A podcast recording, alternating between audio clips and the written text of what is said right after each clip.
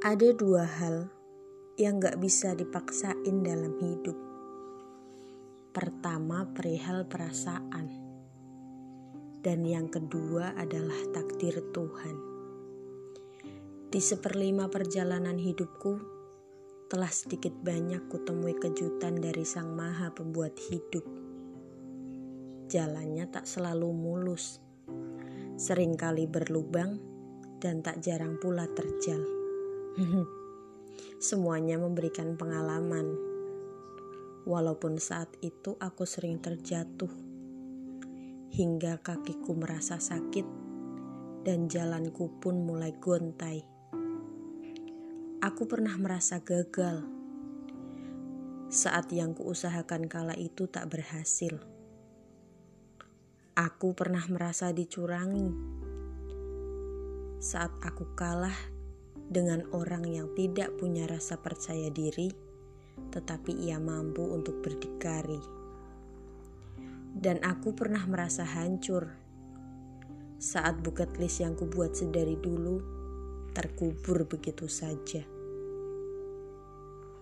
Saat ku ingat waktu itu, rasanya aku menjadi manusia yang paling menderita. Beberapa orang menertawaiku dan mereka melontarkan kata yang tidak mengenakan untuk didengar. Hidup memang kadang semengerikan itu ya.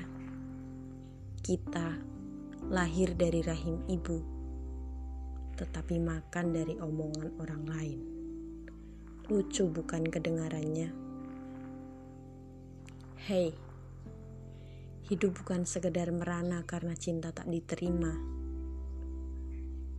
dan hidup terlalu sayang untuk disesali begitu saja.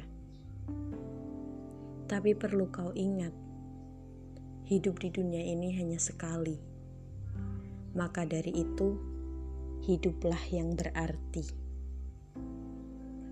Setelah berdamai dengan diri, akhirnya aku mulai paham mengapa aku gagal kala itu. Mungkin aku kurang usaha, atau mungkin juga usahaku kurang sepenuh hati. Lantas, mengapa aku merasa dicurangi? Ya, mungkin karena aku merasa paling berkorban. Dan mengapa aku merasa hancur?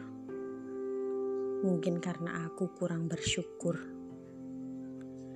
Dari sini, aku mulai terbentuk tentang bagaimana menyikapi kepahitan hidup, tentang bagaimana untuk menyelaraskan ego dan keadaan, serta tentang bersikap dewasa dan bijaksana.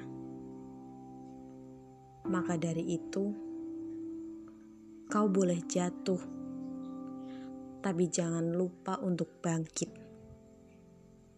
Kau boleh sakit, tapi jangan lupa untuk sembuh. Dan kau boleh lemah, tapi jangan lupa untuk kuat. Dari sekelumit episode yang telah kau lalui dalam hidup, ada satu hal yang harus kamu tahu, bahwa kamu tak sendiri.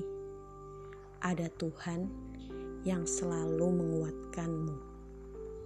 Maka kuatlah selagi kau mampu.